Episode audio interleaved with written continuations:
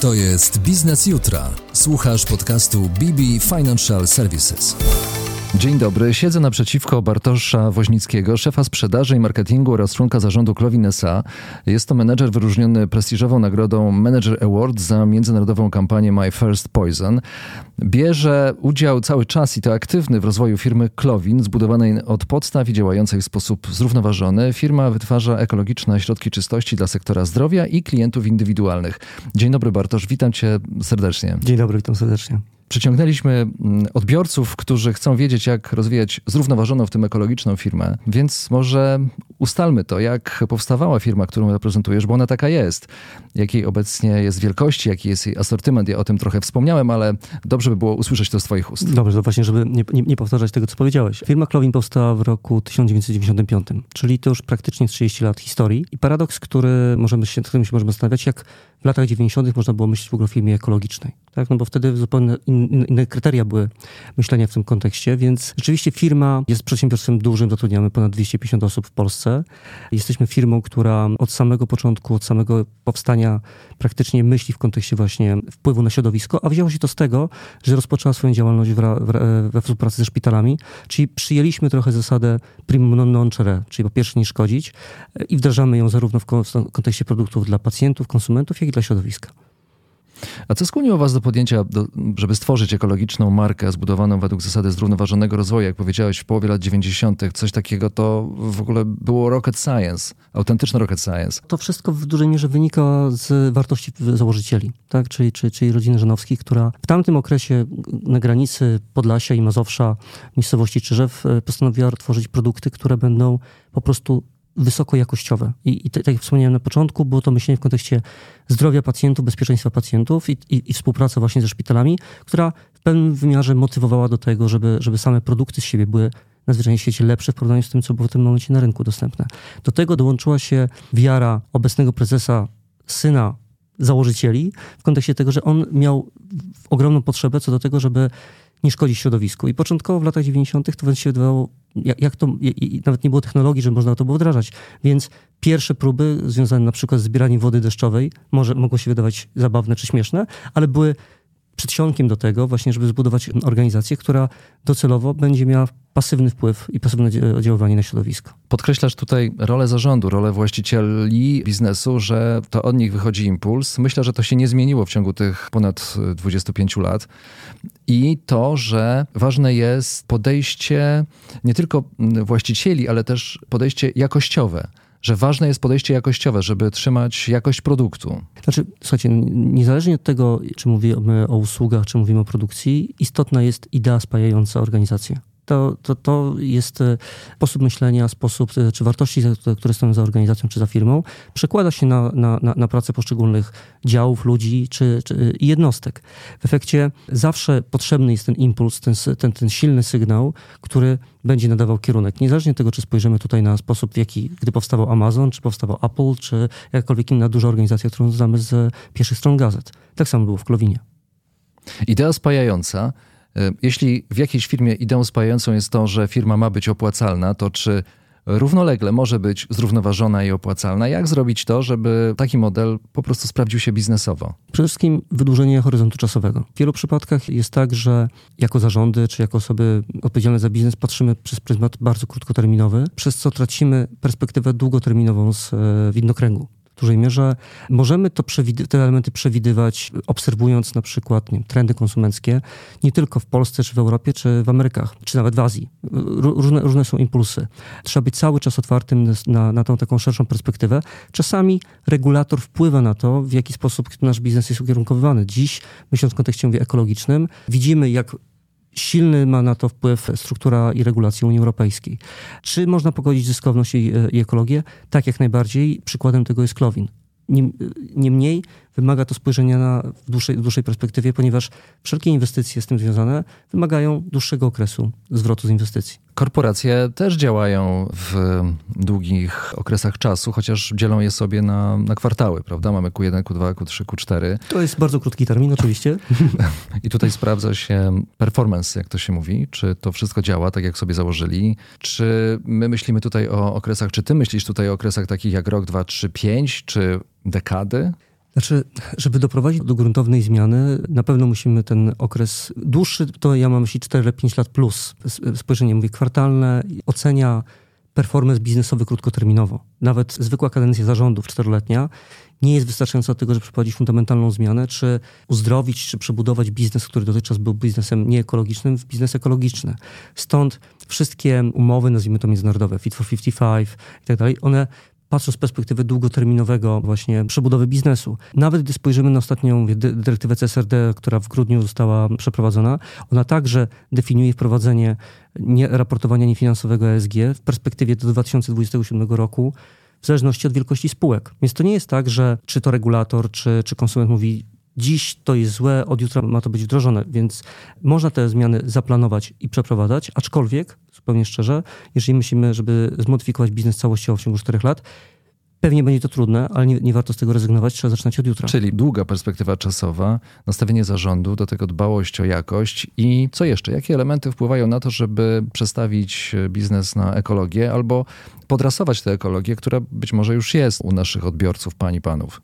Jeżeli myślimy w kontekście mówię, organizacji, to żeby to było skuteczne, to musi być to osią myślenia organizacji i wszystkie jednostki muszą rozumieć, ja mówię, wszyscy pracownicy muszą rozumieć swoją, swoją w tym rolę, bo to nie jest tak, że zarząd postanowi, czy będzie strategia, czy nawet będzie dział ESG, który, czy sustainability, który będzie zajmował się komunikacją z rynkiem, e, informował odbiorców o tym, że biznes się zmienia. Czy dział marketingu, który będzie komunikował, tak, nasze produkty już są ekologiczne, albo w jakimś wymiarze są na przykład e, opakowania podlegają recyklingowi.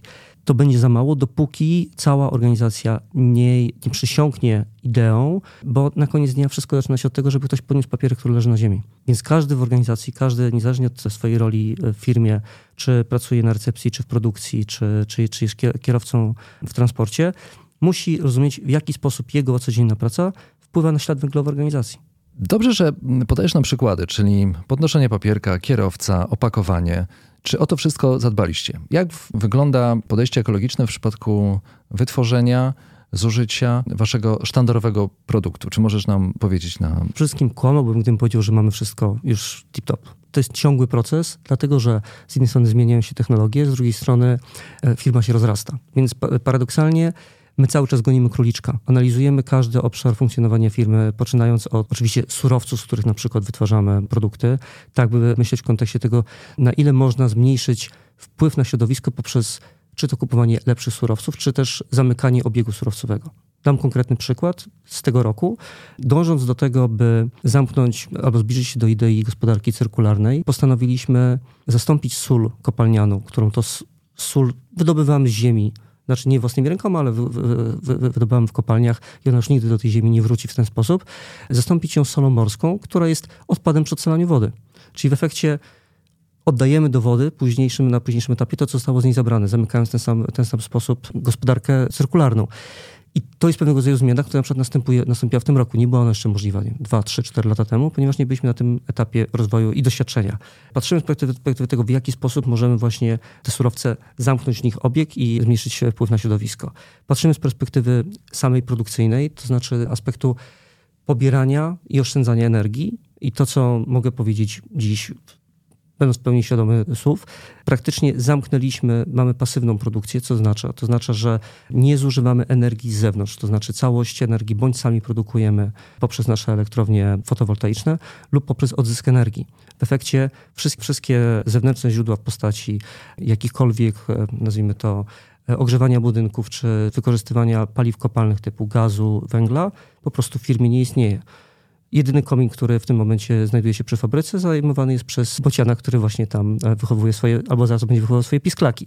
Więc w efekcie myślimy w kontekście tego, w jaki sposób nie zużywać energii. Myślimy w kontekście tego, w jaki sposób współpracować z naszymi odbiorcami, żeby ten ślad węglowy zminimalizować, w jaki sposób nasze opakowanie, zamknąć na przykład obieg opakowań. Klowin współpracuje teraz w ramach takiej grupy przy Organizacji Narodów Zjednoczonych nad e, metodą zmniejszenia wpływu e, na środowisko, ograniczenia plastiku. Więc jest wiele tych projektów uruchomionych. Wszędzie nie jesteśmy jeszcze doskonali, ale chcemy do tej doskonałości dążyć. Czy kiedykolwiek ją osiągniemy? Pewnie nie, dlatego że cały czas ucieka, ten, ten, ten świat się po prostu rozwija, ale dążymy do tego, żeby stworzyć środowisko, w którym będziemy produkować i równocześnie oddawać do przyrody dokładnie tą samą lub nawet więcej, niż z tej przyrody zabraliśmy.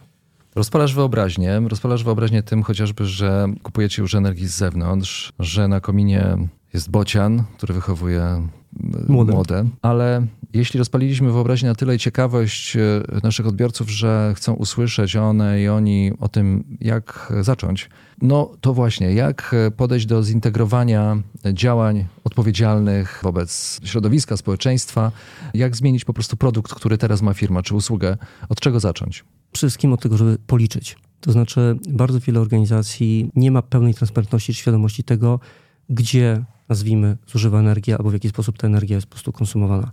I pierwszym krokiem to jest uświadomienie sobie właśnie obszarów, nazwijmy to wydatkowych. Gdy będziemy mieli, gdy, gdy zrozumiemy taki nasz, nazwijmy, PNL energetyczny organizacji, wtedy będziemy mogli się stanowić, w których miejscach tracimy tej energii najwięcej, w jaki sposób tę energię na przykład możemy zawrócić do obiegu i wtedy możemy zastanowić się nad rozwiązaniami technologicznymi. Gdy w 2012 roku zaczynaliśmy na przykład pracę z fotowoltaiką, czy to już jest 11 lat temu, to wtedy po prostu było założenie takie, tak, w, w, w pewnym wymiarze będziemy produkować energię. Ale na przestrzeni lat zastanawialiśmy się coraz bardziej nad tym, gdzie ta energia ucieka i w jaki sposób możemy ją po prostu zawrócić do procesu. Jak na przykład maszyna, która pracuje i nagrzewa się do 60 stopni, jak te 60 stopni z powrotem, zamiast żeby ono uciekało w powietrze, odzyskać, żeby na przykład napędzała ta energia kolejny cykl na przykład produkcyjny. Więc pierwsze co? Policzenie i w momencie, kiedy policzenie i uświadomienie sobie tego, gdzie jesteśmy pod względem wydatkowym, to możemy zacząć planować tak na koniec dnia, co możemy zrobić technologicznie czy inwestycyjnie. Ale to jest tylko obszar E tak? No bo my dotykamy teraz w ogóle tematu ESG jako takiego, czyli dyrektywa CSRD, która dotyka obszarów zarówno zrównoważonego z rozwoju w kontekście środowiskowym, czyli wpływu na środowisko, ale także wpływu na społeczeństwo. I tutaj dotykamy też naszych pracowników i całego ładu korporacyjnego, czyli całego governance. Więc w dużej mierze, patrząc z perspektywy takiej, że regulator dziś lub za kilka lat wymagać będzie od słuchających raportowania niefinansowego, a nawet jeżeli nie będzie wymagał tego raportowania niefinansowego, to możliwe, że partnerzy, czy to dostawcy, czy odbiorcy danej firmy będą wymagali tego raportowania. Powinniśmy jako przedsiębiorcy dziś przyjrzeć się temu, w jakim miejscu są nasze polityki dotyczące zatrudnienia, w jakim miejscu są nasze polityki dotyczące na przykład dyskryminacji, wszelakiej dyskryminacji. Tak? Czyli tych, tych aspektów, nazwijmy z parametru, z tego poziomu S jest tak dużo, że nie chodzi tylko o to, żebyśmy spojrzeli na temat ekologiczny, ale spojrzeli na temat tego, w jaki sposób są ułożone nasze organizacje w kontekście tego, w jaki sposób właśnie nawet prowadzimy procesy rekrutacyjne, jawności mm, wynagrodzeń i tak dalej, i tak. To jest obszar bardzo szeroki i w dużej mierze, jak na początku, nie, tym pierwszym kroku nie określimy sobie, w którym miejscu jesteśmy, to nie będziemy wiedzieli, jak dużo jest do zrobienia. Uważam, że podstawowym błędem, jeśli chodzi o skalowanie biznesu, jest to, że przedsiębiorca, przedsiębiorczyni uważa, że osiągnął już tyle, że, że nie, nie ma potrzeby więcej. Że historia sukcesu doprowadziła ją albo jego na taki poziom, z którego już e, wszystko wygląda świetnie i można iść w stronę przyszłości z uśmiechem. Co byś powiedział takiej osobie, żeby spróbowała skalować biznes, właśnie opierając się na zasadach zrównoważonego rozwoju? Wszystkim powiedziałbym to, że nawet miejsce, w którym jesteśmy dziś i nawet jeżeli jest to miejsce, w którym jesteśmy zadowoleni, wcale nie oznacza, że będzie miejscem, z którego będziemy zadowoleni jutro. Świat się dynamicznie zmienia, dynamicznie zmieniają się też z jednej strony oczekiwania konsumenckie w kontekście produktów, które na co dzień kupujemy, które, którymi się otacza, usług, którymi się otaczamy. I tak samo zmienia się nasze środowisko, nazwijmy to regulacyjne. Więc w efekcie, jeżeli nie będziemy dosyć bacznie obserwować tych zmian, i modyfikować naszego biznesu, nawet jeżeli dziś on wydaje się być zdrowym, ale w pewnym wymiarze zatrzymamy się w, w rozwoju i pozwolimy temu, żeby rynek, konsument czy regulacje nas w jakimś wymiarze wyprzedziły, może się okazać, że już za chwilę ten biznes jest na krzywej schyłkowej lub co gorsza, nasi dotychczasowi partnerzy biznesowi się od nas odwracają. Dlaczego? Tak jak wspomniałem na przykład w temacie raportowania niefinansowego SG ponieważ w, na przykład w roku 2026 każda spółka giełdowa zatrudniająca powyżej 250 osób będzie musiała raportować niefinansowo aspekty właśnie środowiskowe, społeczne i, i ładu korporacyjnego. Żeby zaraportować to całościowo, będzie musiała przedstawić zarówno zakres pierwszy, zakres drugi, jak i zakres trzeci. Zakres trzeci obejmuje zarówno odbiorców, jak i dostawców. Więc naturalnie firmy, pokroju spółki giełdowej zatrudniającej 250 osób, to nie jest duża spółka giełdowa, będą oczekiwały od swoich dostawców parametrów dotyczących ESG. Więc jeżeli dziś się jesteśmy gdzieś w łańcuchu dostaw i nasz partner handlowy, z którego jesteśmy zadowoleni, który regularnie kupuje i płaci e, faktury, nawet czasami przed czasem, więc jesteśmy w komfortowej sytuacji. Ten partner za dwa lata poprosi nas o nasze parametry dotyczące śladu węglowego i na przykład nasze parametry ESG, nie będziemy w stanie ich dostarczyć, to naturalnie może on poszukać innego, alternatywnego dostawcy, który mu takie dane da na tacy. Dobrze, że dotykasz tego obszaru, to znaczy chodzi o dostawców, o partnerów biznesowych, bo właśnie o to chcecie zapytać, to znaczy czy można wpływać na dostawców, aby byli bardziej ekologiczni, żeby też wyniki firmy właśnie we wskaźnikach pokazywały, że, no, że firma jest zaangażowana w tym, żeby ograniczać, załóżmy, ślad węglowy. Znaczy, no z jednej strony każda firma, która ma DNA czy w jakichś fundamentach myślenie prośrodowiskowe, naturalnie będzie dobierała tego rodzaju partnerów, którzy też w ten sposób na to patrzą. Równocześnie, tak jak wspomniałem przed chwilką, sama regulacja dotycząca raportowania niefinansowego wymusi na całym łańcuchu dostaw te aspekty. Już to jest dziś widoczne. Na przykład Klowin jest firmą, która działa międzynarodowo i spora część naszych partnerów handlowych działa na rynku niemieckim, który jest dużo bardziej, nazwijmy to, zaawansowany w raportowaniu niefinansowym niż rynek polski. W efekcie już dziś widzę, jak dużą dozę informacji oczekiwanej, rynek niemiecki po prostu zadaje pytania, bo w efekcie, gdybyśmy nie byli do tego przygotowani, to prawdopodobnie nasz biznes w dachu jako całym po prostu byłby w tym momencie ograniczony. Więc same regulacje będą to wymuszały i to wymuszają już w przyszłości na tych partnerach handlowych, którzy działają na, e, ze światem zachodnim. Czyli jest to po prostu ograniczenie ryzyka biznesowego, jeśli chce się skalować. E, to jest wykorzystanie szansy biznesowej z drugiej strony. Tak, no bo, bo to jest tak, że zawsze, jak to w każdej sytuacji, będą takie podmioty, które w dużej mierze nie pójdą tą drogą. Może oni zapomną, może nie dosłyszą i nagle się w 2026-2027 obudzą ze świadomością tego, że mogły zacząć 4 lata wcześniej się tego przygotować, czy 3 lata wcześniej, ale już nie są na to przygotowane. W efekcie dla tych, którzy będą przygotowani, to jest szansa biznesowa. Co powinna zrobić przedsiębiorczyni albo przedsiębiorca po tym, gdy już wyliczy sobie te mostki energetyczne w firmie na przykład, że, że tutaj gdzieś, gdzieś są straty energii? Co powinna zrobić taka osoba, aby zacząć mierzyć nie tylko energię, ale i ustalić inne kluczowe wskaźniki do rozwoju firmy w tym modelu, mhm. po to, żeby w przyszłości znaleźć się no właśnie wśród dostawców chociażby takiej marki jak Klowin. Dziś mamy kilka podmiotów międzynarodowych, które mogą zrobić zewnętrzny rating ESG i wskazać te obszary. Jest to nawet z tego względu istotne, że i myślę, że to jest, nie, nie chcę tu reklamować żadnego z banków oczywiście, tak, ale, ale takim dosyć silnym e, impulsem dla przedsiębiorców w kontekście mówię, rozwoju SG jest cały rynek finansowy i instrumenty finansowe, które oferują banki i które są powiązane bezpośrednio właśnie z tym ratingiem SG. Więc pierwsze, co bym zrobił, bo nie chcę tu reklamować w tym momencie żadnego dostawcy usług finansowych, to zapytam swój bank, z którym firma współpracuje, jakiego rodzaju rozwiązania finansowe mają dla organizacji, które spełniają rating ESG i w oparciu o jaki rating ESG te decyzje są podejmowane. Jest, jest takich organizacji dwie, trzy. Nie chcę tutaj mówię, podawać nas w tym momencie, bo bym reklamował jakąś z, ale są to zewnętrzne, obiektywne instytuty, które poprzez audyt przedsiębiorstwa w zakresie każdego z tych trzech obszarów definiują aktualny status i który to co roku jest aktualizowany, pokazując pewnego rodzaju progres. W, w oparciu o ten rating, który jest zdefiniowany, banki przyznają tak zwane preferencyjne kredyty o preferencyjnym, na przykład preferencyjnej marży, dzięki czemu, jeżeli dostarczy się określoną zmianę w ciągu roku, to uzyskuje się dostęp po prostu do najzwyczajniej tańszych środków, znaczy tańszego kredytu, niżej procentowanych środków finansowych. Więc myślę, że to dla przedsiębiorców to powinien być wystarczająco duży stymulant, który nakłoni ich do prowadzenia zmian. Równocześnie rating ESG czy aspekty środowiskowe są też uwzględniane w, na przykład w strefach inwestycji, czy polskiej strefie inwestycji jako, jako element wspierający objęcie, nazwijmy to opieką podatkową, czy ograniczeniem procesu opodatkowania CIT-owego.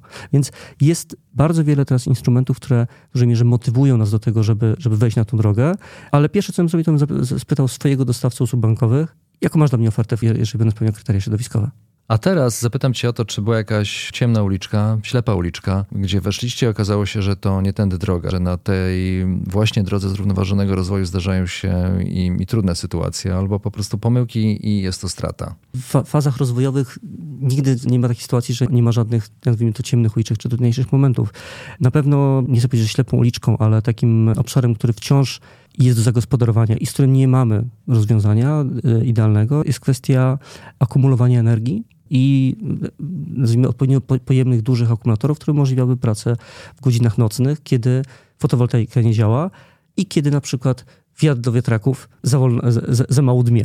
Tak, więc to jest, to jest ciągle obszar, który eksplorujemy, zarówno myślenie w kontekście mówię, techniki wodorowej, czy, czy, czy pracy nad podnoszeniem słupa wody, więc tutaj, mówię, tutaj wciąż technologia jeszcze nie, nie jest w tym miejscu, żebyśmy byli w stanie powiedzieć, tak, jesteśmy w stanie zakumulować energię, którą, którą po prostu w nadmiarze wyprodukowaliśmy.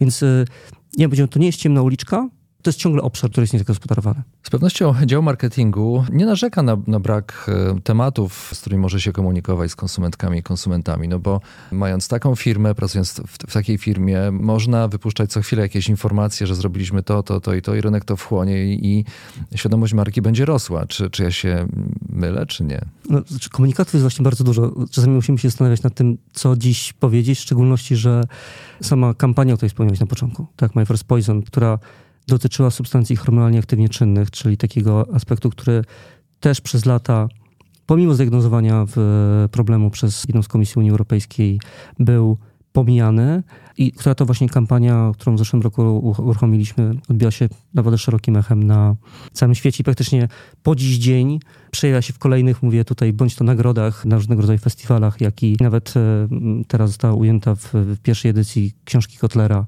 Essentials of Marketing dotyczącej rynku polskiego, więc jest dużo tych obszarów, o których możemy mówić. To, czego chcemy uniknąć, to takiego poczucia, żeby konsumenci myśleli, a to jest, chwalą się, albo to jest jakiś greenwashing. Bo to, na czym nam w szczególności zależy, to to, żeby być bardziej piewcą pewnego rodzaju idei, propagatorem tego, że można coś zrobić rzeczywiście bezpiecznie dla pacjentów, bezpiecznie dla konsumentów i bezpiecznie dla środowiska, niż po prostu wysłać informacje dla samego wysyłania informacji. A tak, mamy się czym chwalić, mamy o czym mówić, jest jeszcze więcej przed nami i na stole, ale to na razie postawię swojej słodkiej tajemnicy. I w ten sposób otworzyliśmy perspektywę na kolejne spotkanie. Przypomnę, że naszym gościem był Bartosz Woźnicki, szef sprzedaży i marketingu oraz członek zarządu Klowin SA. Rozmawialiśmy o tym, jak rozwijać zrównoważoną, w tym ekologiczną firmę. Bardzo dziękuję za bycie z nami w studiu. Bardzo dziękuję za rozmowę. To jest Biznes Jutra. Słuchasz podcastu BB Financial Services.